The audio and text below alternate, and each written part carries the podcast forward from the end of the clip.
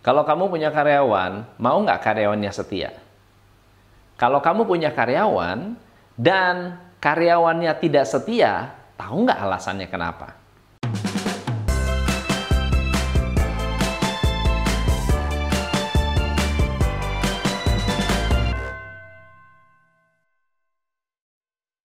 Hari ini saya mau memberikan 5 tips bagaimana cara membuat karyawan nggak betah kerja sama Anda. Jadi hari ini tipsnya agak sedikit berbeda. Tujuannya adalah supaya Anda tahu bagaimana respons dari karyawan Anda ketika bertemu dengan gaya leader seperti ini. Teman-teman, nama saya Tom MC Ifle, founder Top Coach Indonesia. Saya mendapatkan 5 alasan yang kuat dan ini adalah hasil research dari saya pribadi ngobrol dengan banyak karyawan tentang mengapa mereka resign. Oke. Alasan yang pertama, banyak karyawan resign karena memiliki atasan yang memiliki lidah yang tidak bertulang. Alasannya begini, Coach, saya itu resign sebetulnya bukan karena perusahaannya jelek. Saya resign bukan karena uh, produknya jelek. Saya resign bukan karena saya sering dikomplain oleh karyawan atau perusahaan atau bahkan mungkin customer. Tapi saya nggak betah dengan atasan saya, coach. Kenapa? Lidahnya tidak bertulang. Maksudmu apa? Kalau hari ini ngomong apa, yang dikerjain apa? Bilangnya, kamu kerjain begini ya. Tapi besok-besok dikerjakan seperti itu dimarahin. Ya, contoh lain, misalnya janji tapi tidak ditepati. Contoh lain, bilangnya kita jadi orang harus disiplin, tapi dia sendiri yang tidak disiplin. Bilangnya, udah tenang aja, ntar karyawan itu gue keluarin, ntar gue resignin, gue bikin orang keluar. Eh, ternyata bukannya disuruh keluar, malah ditemenin. Itu adalah eh, sifat-sifat uh, dari leader yang tidak disukai oleh karyawan dan jangan salah loh, hal itu bisa membuat karyawan Anda nggak betah. Yang kedua adalah kikir. Pada suatu hari, saya memiliki uh, kesempatan untuk merekrut beberapa karyawan yang bekerja, yang sudah lama bekerja di sebuah perusahaan menengah, nggak besar-besar banget. Lalu saya tanya, kan dalam interview saya selalu tanya, kenapa kamu resign dari pekerjaan yang lama? Lalu kemudian dia menceritakan banyak hal baik. Dia menyatakan bahwa perusahaan saya bagus pak, kita resign basically karena saya punya mimpi yang lebih besar. Oke? Okay? Tapi di lain kesempatan, ketika orang itu sudah saya terima, mereka cerita. Ceritanya begini, kalau di kantor saya, di Top Coach Indonesia, buat teman-teman yang mau bekerja di Top Coach Indonesia boleh bergabung. Di kantor kita, saya sangat-sangat bebas. Sangat bebas. Bebas itu begini.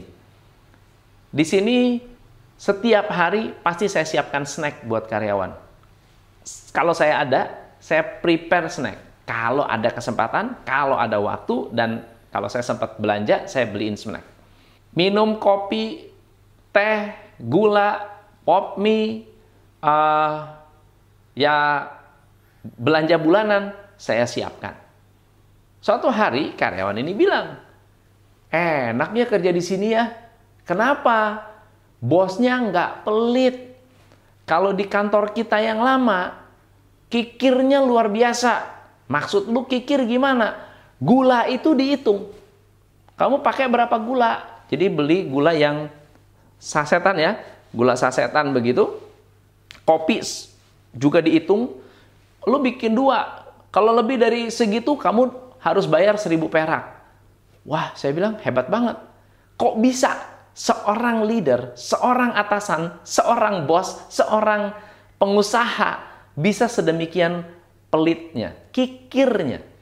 Dan karena ini mengatakan, coach kalau kita sih sebetulnya ya kita sih nggak keberatan lah bawa makanan dari rumah, bawa ini dari rumah, semuanya dari rumah. Yang lebih parah lagi coach, kita kadang-kadang kita bawa makanan dari rumah atau bawa gula dari rumah diakui oleh kantor. Wah, saya bilang, ah itu nggak masuk akal. Bener, coach. Nggak masuk akal. Beneran. Oke.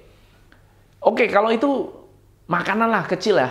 Tapi coach, kalau kita berbicara soal kikir, bukan hanya kikir ke dalam, tapi kikir ke customer. Kikir ke customer artinya apa? Uh, sengaja mengurang-urangi jatah customer. Sengaja uh, memprotes kalau customer diberi lebih.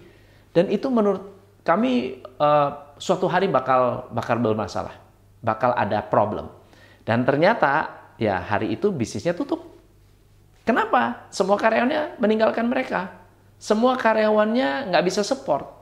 Walaupun waktu itu ada yang bertahan, bertahan karena terpaksa, bukan karena memang ingin bertahan di sana. Jadi teman-teman, yang kedua, hati-hati, jangan kikir. Kikir itu bisa menyebabkan karyawan nggak betah bekerja di perusahaan Anda. Yang ketiga adalah micromanagement. Micromanagement adalah sedikit-sedikit harus lapor. Sedikit-sedikit harus minta approval. Dan Anda tidak ada kesempatan untuk bebas. Semua harus diketahui, semua harus terbuka. Bahkan laci-laci Anda, komputer Anda itu bisa di stalking. Ya, stalking itu artinya di dimonitor dari jarak jauh, dibuka passwordnya, ya, dibuka ini emailnya ngapain aja, email ke mana aja, ada yang seperti itu. Dan uh, pada dasarnya ada orang-orang seperti itu karena insecure, karena merasa tidak nyaman dan merasa bahwa karyawan ini ada nggak yang bongkar rahasia perusahaan, ada nggak nih yang lagi ngelamar di tempat lain, semuanya bisa dimonitor lewat ya dengan sistem sistem pengintai di dalam komputer. Hati-hati teman-teman, micromanage is okay, tetapi kalau over micromanage bisa membuat orang tidak nyaman dan merasa tidak dipercaya. Yang keempat adalah merasa paling hebat, lalu kemudian semua karyawan harus mirip dengan Anda. Banyak juga leader-leader yang, wah kalau gue bisa kenapa lo nggak bisa? Kalau saya bisa, kenapa kamu nggak bisa? Artinya semua orang harus bisa seperti mereka. Semua orang harus bisa seperti leadernya. Padahal kita semua memiliki keunikan, kita semua memiliki kemampuan yang berbeda-beda, dan kita semua bisa berkontribusi dengan perbedaan kita. Sehingga tidak perlu semua orang sama. Tidak perlu semua orang mirip dengan atasan. Kalau semua orang mirip dengan atasan, buat apa ada atasan? Dan yang kelima adalah sering menyepelekan ada karyawan yang berprestasi lalu disepelekan. Ah, gitu aja minta dipuji. Ah, begitu aja siapa orang, siap semua orang juga bisa. Jadi menyepelekan prestasi, menyepelekan pekerjaan, menyepelekan masalah bisa membuat karyawan Anda tidak betah. So itu tadi 5 tips kalau Anda ingin karyawan Anda nggak betah kerja di perusahaan Anda.